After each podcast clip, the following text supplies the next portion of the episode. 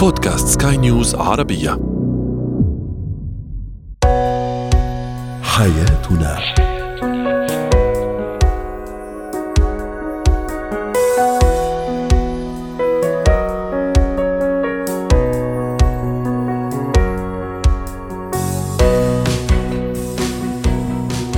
مستمعينا الكرام أهلا بكم معنا إلى حياتنا فضاؤكم اليومي الذي يعنى بشؤون الأسرة وباقي الشؤون الحياتية الأخرى والذي يمكنكم الاستماع إليه عبر منصة سكاي نيوز عربيه dot com slash podcast وباقي منصات سكاي نيوز العربية الأخرى. شاركونا عبر رقم الواتساب 00971 561 8862 اثنين ثلاثة. معي أنا أمال شابة اليوم نتحدث عن الدعم الذي يحتاجه الزوج عندما يفقد وظيفته الدعم من الزوجة والأطفال أيضا أو الأسرة. ما هو أنواع القلق وأسباب القلق عند المراهق وكيف نتعامل معه؟ وأخيرا العمل التطوعي ما هي أهمية العمل التطوعي؟ وكيف ينمي شخصياتنا وذواتنا؟ هو وهي. فقدان الوظيفة ومصدر الدخل من أكثر المشاكل التي تؤثر على الحالة النفسية للشخص الفرد سواء رجل أو امرأة. والحديث اليوم والإسقاط اليوم عن الزوج رب الأسرة الذي يكون مسؤول عن أولاد وأسرة وبيت ومن لديه مسؤوليات كبيرة. هنا يقع على عاتق الزوجة والأسرة والأولاد.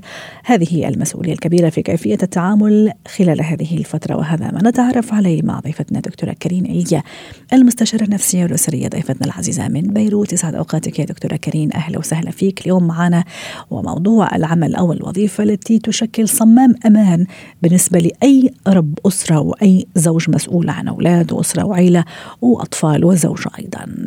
حصل وأن فقد هذا الزوج وظيفته لسبب أو لآخر. آه، كيف اولا؟ أكيد راح تكون في صدمة عدم استيعاب قد لا يستوعب هذا هذا المشكل اللي هو فيه هذا المرحلة ومن هنا تقع على الزوجة مسؤولية كبيرة. آه، يمكن آه، يتفاجئوا بعض المستمعين إنه في بعض الأشخاص إذا بيفقدوا وظيفتهم وقع الحدث عليهم بيكون أقل بكثير من الأشخاص اللي عم بيراقبوا من برا. يعني نحن بنتوقع إنه شخص يفقد شغله يعني بده يعمل انهيار أو يمكن يفوت بحالة اكتئاب أو يمكن ما يقعد يعرف يلاقي شغل أو آه مثل ما بيقولوا يقلب دولابه بالعكس. مش بالضرورة كل الأشخاص يكون عندهم نفس ردة الفعل أمام خسارتهم للعمل أو ربما لأنه بعض الأشخاص عندهم بديل أو ربما راح يعمل له منطلق ل أو رح يعني منطلق لمشروع آخر أو لحياة أخرى لكن بالمجمل أكيد يعني عم يهدد جانب معين في استقرار هذه الأسرة اللي هو الاستقرار المادي. صحيح. صحيح ولكن في شغلة كثير أساسية إنه دائما التفاعل مع حيالله حدث بيصير معنا هو مربوط كمان بشخصيتنا وطباعنا. لهالسبب هلا دائما وقت نحن نخسر عملنا نحن عم نخسر آه عم نخسر استقرار وأمان لأن نحن دائما بنقول معي إنه آه المادة والعلاقة مع المادة والمال هو آه مصدر قوة بينعطى وتحديدا لرب المنزل لأنه وقتها هو يكون آه المعين للبيت أو الشخص يلي عم بيدخل الأموال يعني هو آه رمز السلطة رمز القوة. وقتها يخسر هيدا المطرح بمطرح من المطارح ممكن يخاف على موقعه وهون عم نحكي نفسيا. قبل ما نبلش نحكي حسيا على الأرض شو بده يبلش يعمل وكيف بده يبلش يتفاعل. وبالإضافة إلى ذلك دور الزوجة مش بس إذا هي رح يكون عندها دور داعم ماديا له لأنه في بعض الزوجات دغري بيروحوا ببلشوا هن يشتغلوا آه بيستعملوا مركي آه مدخرات مثلا. صحيح. ليأمنوا مداخل مداخيل جديدة أحيانا ببيعوا ذهباتهم ليكونوا عم بيساعدوا الشريك. ولكن إلى جانب هيدا الدعم المادي كمان الدعم النفسي اللي بتقدمه الزوجة آه له دور كبير. يعني الزوجة يلي بتهمهم آه أمام مصيبة آه زوجها آه ممكن تكون سبب إضافي أحيانا لقراءة الأحداث فقط من الزاوية السلبية. بالوقت يلي في بعض النساء مثل ما قلنا ممكن تعطي دعم نفسي ممكن تقوس الرجل وممكن تعطيه الاحتمالات صح. لمواجهة الواقع مثل الأشياء اللي ذكرناها بيع الذهب تروح هي تشتغل تطلب تطلب سلفة من أهلها وإلى ما هنالك. وفي كمان البعض بعض السيدات وسمعنا وشفنا عن هيك قصص ممكن تعطيها أفكار للانطلاق من جديد للانطلاق في فكرة معينة في مشروع معين. ممكن نرجع نشتغل سوا مع بعض ممكن تجمعنا فكرة معينة أو طموح معين في في في, في زاوية معينة اقصد في الجانب المادي وننطلق منه أيضا دكتورة كريم. هذا راح يرجعنا للنقطة اللي حضرتك ابتديتي فيها أنه مش يعني فقدان الوظيفه يعني الكارثة أو يعني إنه الأفق الأسود أو السواد يعني الكبير لا قد يكون أحيانا منطلق إذا ما هو أول شيء. قدر يستوعب قدر حسب شخصيته كمان يفهم الوضع وبمساعدة الزوجة. صحيح وهون كثير مهم الدور يلي بتلعبه الزوجة لأنه في كثير من الأزواج وقتا يخسروا مهنتهم أو يخسروا شغلهم آه، بيفقدوا بعض الثقة بالنفس وبيفقدوا بعض الثقة باتخاذ قرارات جديدة. دور الشريكة والزوجة بدعم الشريك لاتخاذ قرارات جديدة لترجع تدعمهم كثير مهم. لأنه قصدك يفقد يفقد يفقد سلطته سلطته في البيت يحس مثلا بضعف آه، لأنه مش عم يصرف مثلا. هذا اللي قصدك؟ آه لا لا. م. عم بحكي إذا مثلا أنا خسرت وظيفتي كرب عمل آه ما بعود بسترجي آخذ قرار إنه مثلا استثمر الأموال اللي باقية معي تافتح شغل جديد أو يمكن تحطها آه شراكة مع حدا أو شيء، الدور اللي بتلعبه الشريكة بهيدا المطرح بتشجيع الزوج والشريك على آه القيام بمبادرات لتحسين وضعهم كثير بيساعد.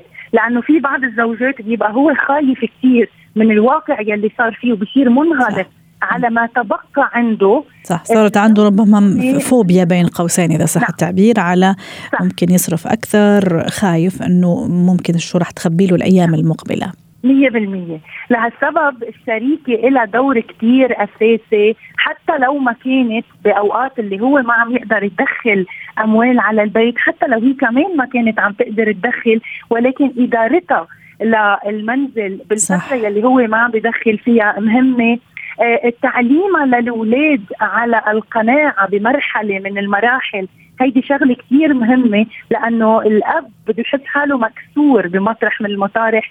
إذا بيحكي بيجي تيقول لأولاده إنه هلأ ما تطلبوا مني لأنه وضعي المادي ضيق أو شيء ولكن هيدا الدور فيها تكون عم تلعبه الأم إنه نحن هلأ بهيدي المرحلة بدنا نعرف نكتفي باللي عنا. هيدي الشغلة منا طوارئ ما بنجيبها والى ما هنالك. سو so, عندها دور اكتف uh, وعندها دور مع الأولاد وعندها دور مع الشريك. لهالسبب قديش الحالة النفسية اللي نحن بنكون عم نعيشها كشركاء على الواقع اللي عم نعيشه هي اللي بتحتم نتيجة الواقع. بمعنى إذا أنا تركت شغلي أو خسرت شغلي. إذا أنا بدي أعيش حالة اكتئابية حكما بدي تسكر الدنيا بوجهي وما رح يعود يثبت معي شيء ولكن إذا أنا بدي يكون عندي تفاؤل وبدي يكون عندي تخطيط جيد وشريكة داعمة صح. بعرف أرجع أخلق فرص جديدة. يا أما نبش على عمل جديد يا أما أستثمر ما تبقى من أموال يا أما الزوجة بتروح بتشتغل بمطرح بتساهم آه يا أما الأولاد إذا كانوا صاروا بعمر الإنتاج يعني صاروا بعمر الرشد وعمر الإنتاج بنشجعهم على تحمل المسؤولية وغيرها من الأمور يلي بتقدر تطلعنا من الواقع وتخليه يتسمى واقع مؤقت. أيوه واقع مؤقت. هذا راح يقودني لآخر سؤال وآخر يعني فكرة حابة نشاركها معك دكتورة كريم ومع الساده المستمعين. الضغط على شريك إنه لازم يلاقي شغل. يلا طولت يلا طالت الفترة طالت المدة. من دون شك أكيد راح يعمل ضغط وراح يعني يخليه يقع تحت هذا الضغط يعني المش لطيف بين قوسين. لكن في نفس الوقت كمان إنه لما الشغله طول كثير ممكن هذا الشخص خلاص يجنح إلى السكون أو يركن إلى السكون. دام الأمور ماشية وتمام الحياة ماشية عم نقدر عم نقدر ندبر أمورنا فخلاص الأمور طيبة. شو حدود هذا الضغط على الشريك آه، لما يكون في هذا الفترة وهذا المرحلة؟ حتى نختم. طبعا الضغط على الشريك بهيدي المرحلة آه، كثير منه صحي وما بيؤدي لنتائج إيجابية. ولكن كمان في شغلة بنشوفها وهيدي مراقبة هي أحيانا كثير من بعد ما أنا أفقد عملي ذكرت بالبداية في احتمال فوت بحالة اكتئابية. والاكتئاب اللي بفوت فيه مش بتقدر معروف إنه بلش أبكي وأقعد بتخت كل الوقت وما اعود آكل. لا فيني فوت بحالة اكتئابية نتيجة الواقع. وهيدي الحالة بحد ذاتها بتمنعني ارجع يعني بتصير مثل مكبلت لي ايدي. بتمنعني ارجع اتوفق بشغل جديد أو اتحمس على شغل جديد أو غيرها هون الشريك عنده دور يلعبه ولكن مش بالضغط. يعني إذا لقيت حالها ما رح تعرف تلاقي طريقة تطلب من شريكها إنه آه، ينبش فعليا على شغل أو شيء فيها تكون هون عم بتبلش تفكر باستشارة متخصص وإلا بده يفوت الزوج أو الشخص اللي صار عاطل عن العمل بحلقة مفرغة من الفراغ. اللي راح يؤدي هو الآخر لمشاكل أخرى تضاف لهذا المشكلة اللي هو فقدان الزوج لوظيفته. مشاكل هم في غنى عنها. أيوة هذا الزوج هالكبر. يضل على هذا الواقع سنين طويلة. من دون ما يرجع يبحث عن عمل. شكرا لك دكتورة كريم إليا ساعتنا اليوم بهذه المشاركة ضيفتنا العزيزة من بيروت. زينة الحياة. القلق عند المراهق هو شيء طبيعي وجزء من حياته بحكم التغيرات الفيزيولوجية نفسية سيكولوجية وحتى الجسمانية أيضا. وأكيد أنه راح يأثر على أولادنا وأطفالنا المراهقين بشكل أو بآخر عفوا. لكن ماذا إذا أصبح هذا القلق والصفة الدائمة عند المراهق ولم يختفي؟ أولا خلينا نعرف إيش يعني هو القلق اللي يعاني منه هذا المراهق؟ هل نفس القلق اللي أنا أعاني منه كبالغ أو راشد أم يختلف في في صفاته ومضمونه؟ رحبوا معي بريم صابوني الاستشارية النفسية والتربوية سعد أوقاتك يا أستاذة ريم. أهلا وسهلا فيك. ما في بيت في مراهق إلا وفي قلق وعصبية وحين اكتئاب ودموع وانسحاب من الحياة الاجتماعية. آه، هل هو نفس القلق اللي أعيشه أنا كبالغ أو راشد أو يختلف في معناه؟ نعم يسعد لي أيامك عزيزتي وكل المستمعين. بالفعل كما اشرتي بانه القلق هو منتشر سواء كان بين مراهق أو بالغ، لكن هل هو بالضرورة نفس القلق اللي بينتاب البالغ؟ نعم حقيقة هو القلق ينتاب الجميع. آه ويبدأ يظهر عند المراهقة بصفة يعني واضحة للجميع، القلق يعني توتر يترافق أحيانا مع أعراض فسيولوجية ممكن يكون مثل آه خفقان قلب سريع، تنفس سريع، آه، هو بالطبيعي بالعادي هو صحي القلق م. صحي يعني إحنا إذا عم نحكي عن المستويات العادية لماذا هو أمر صحي عند المراهق وأنا يعني حتى كبالغ القلق عندي بيكون صحي لأنه القلق دائما بيدفعني نحو الإنجاز.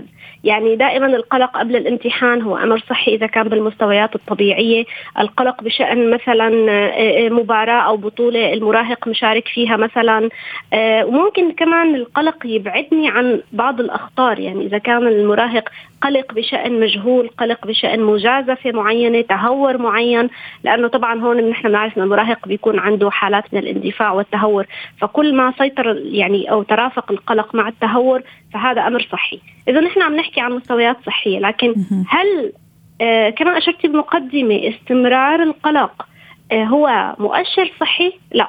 يعني أه. القلق بيترافق بأوقات معينة بيكون بسبب مثير أو بسبب آه وجود محفز لكن إذا استمر هذا القلق دون وجود داعي أو دون وجود محفز أو مثير أو أي سبب واضح طيب. و... و... وشرط أن يؤثر على جودة الحياة والاستمتاع فيها. هون نحن عم نحكي عن قلق غير صحي. قلق غير صحي. يتطو... بالضبط.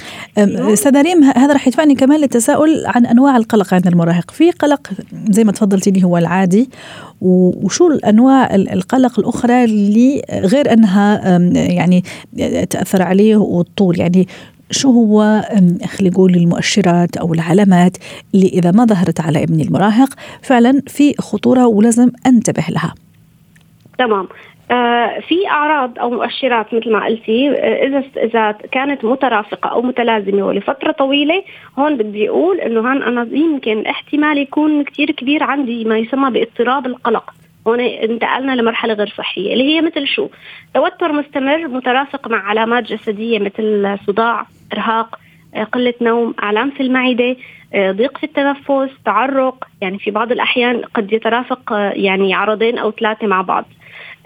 مثلا نشوف هذا المراهق عم يحكي أفكار سوداوية غير منطقية مع أنه هو دايما عم بيتوقع الأسوأ. نظرته للحياة ما بقت إيجابية. عنده صعوبة بالتركيز على أعماله وخاصة الدراسية ما بقى قادر يركز مثلا في عنده overthinking ال overthinking هي كثير بتأثر على كمان الأرق على روتين الحياة اليومية انخفاض الشهية. آه، أحيانا إذا العدوانية أيضا أستاذة ريم؟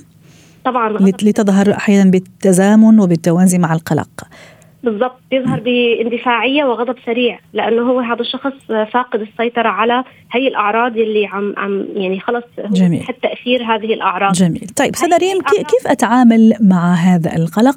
القلق الغير طبيعي عم نحكي القلق طبيعي. خلاص إحنا متفقين إنه شيء عادي وحبل حتى علامه صحيه وهو جزء يومي وروتيني من حياتنا كبشر سواء بالغين ومراهقين. وتحديدا اليوم موضوعنا على المراهق. كيف أتعامل إذا كان هذا القلق غير آه، طبيعي؟ و يستمر ويطول ويتكرر.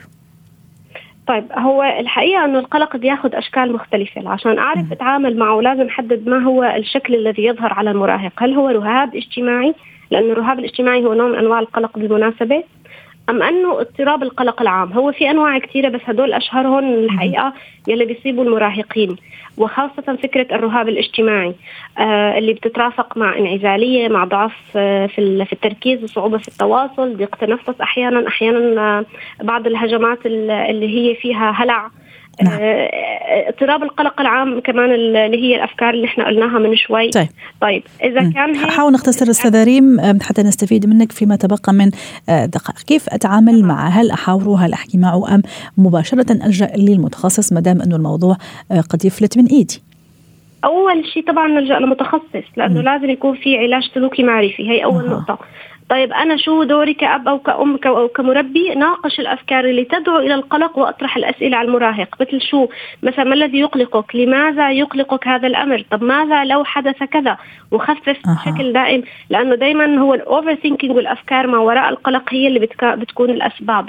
كمان في آه، شغلة ثانية كثير هامة إن أنا ما أترك لهذا المراهق وقت فراغ لأنه وقت الفراغ رح يسمح له للأفكار تسيطر عليه ويصبح عنده ال overthinking عادي.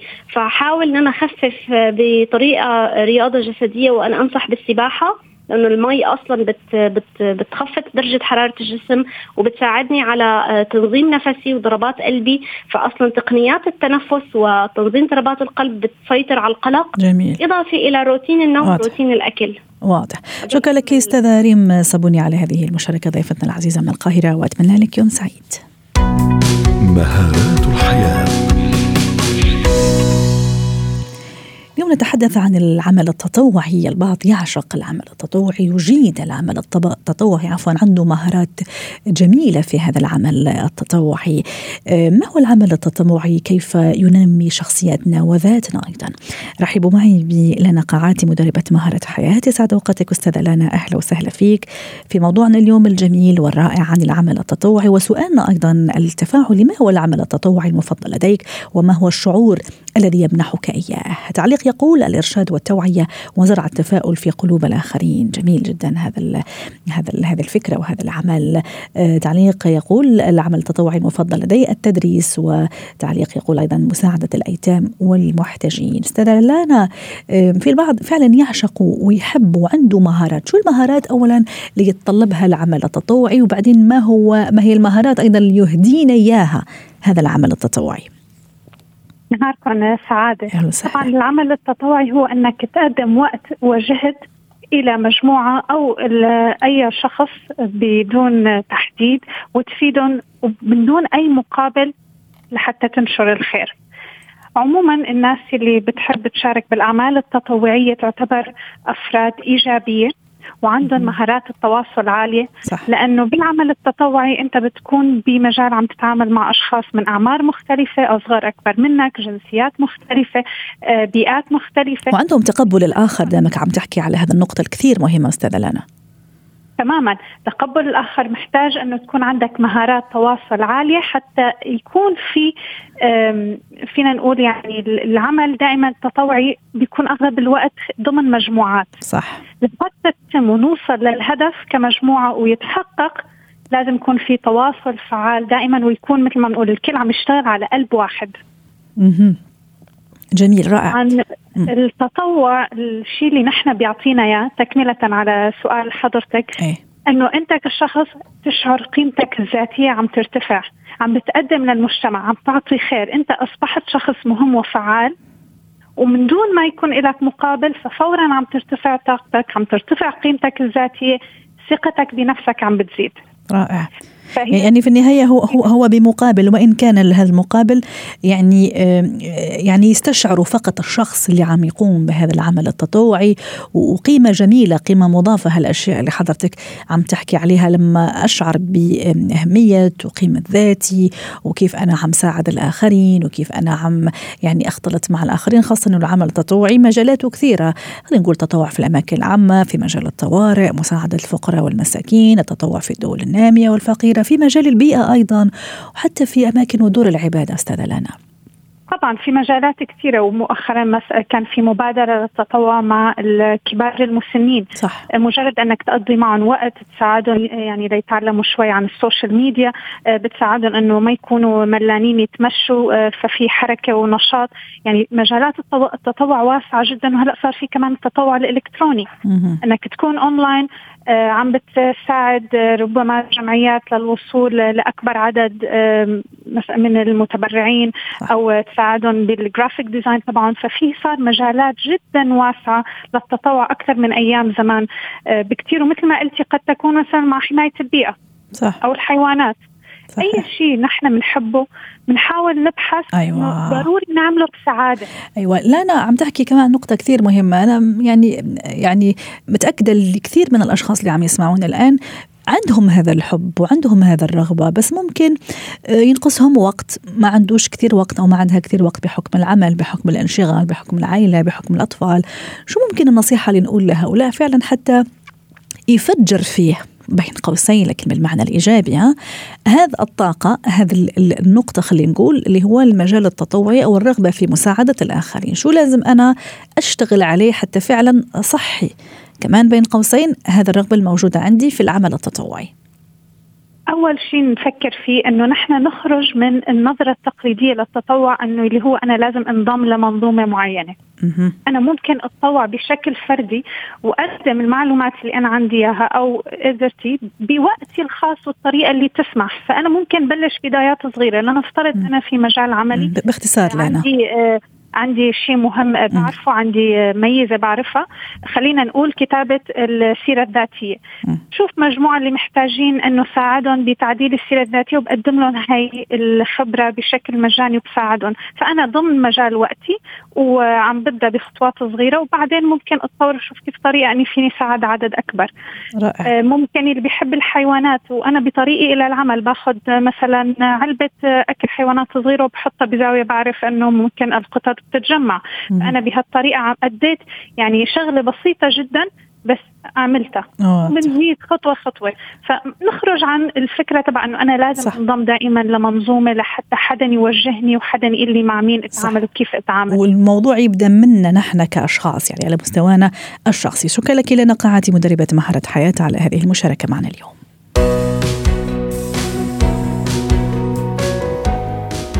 ختام حلقة من حياتنا. شكرا لكم وإلى اللقاء.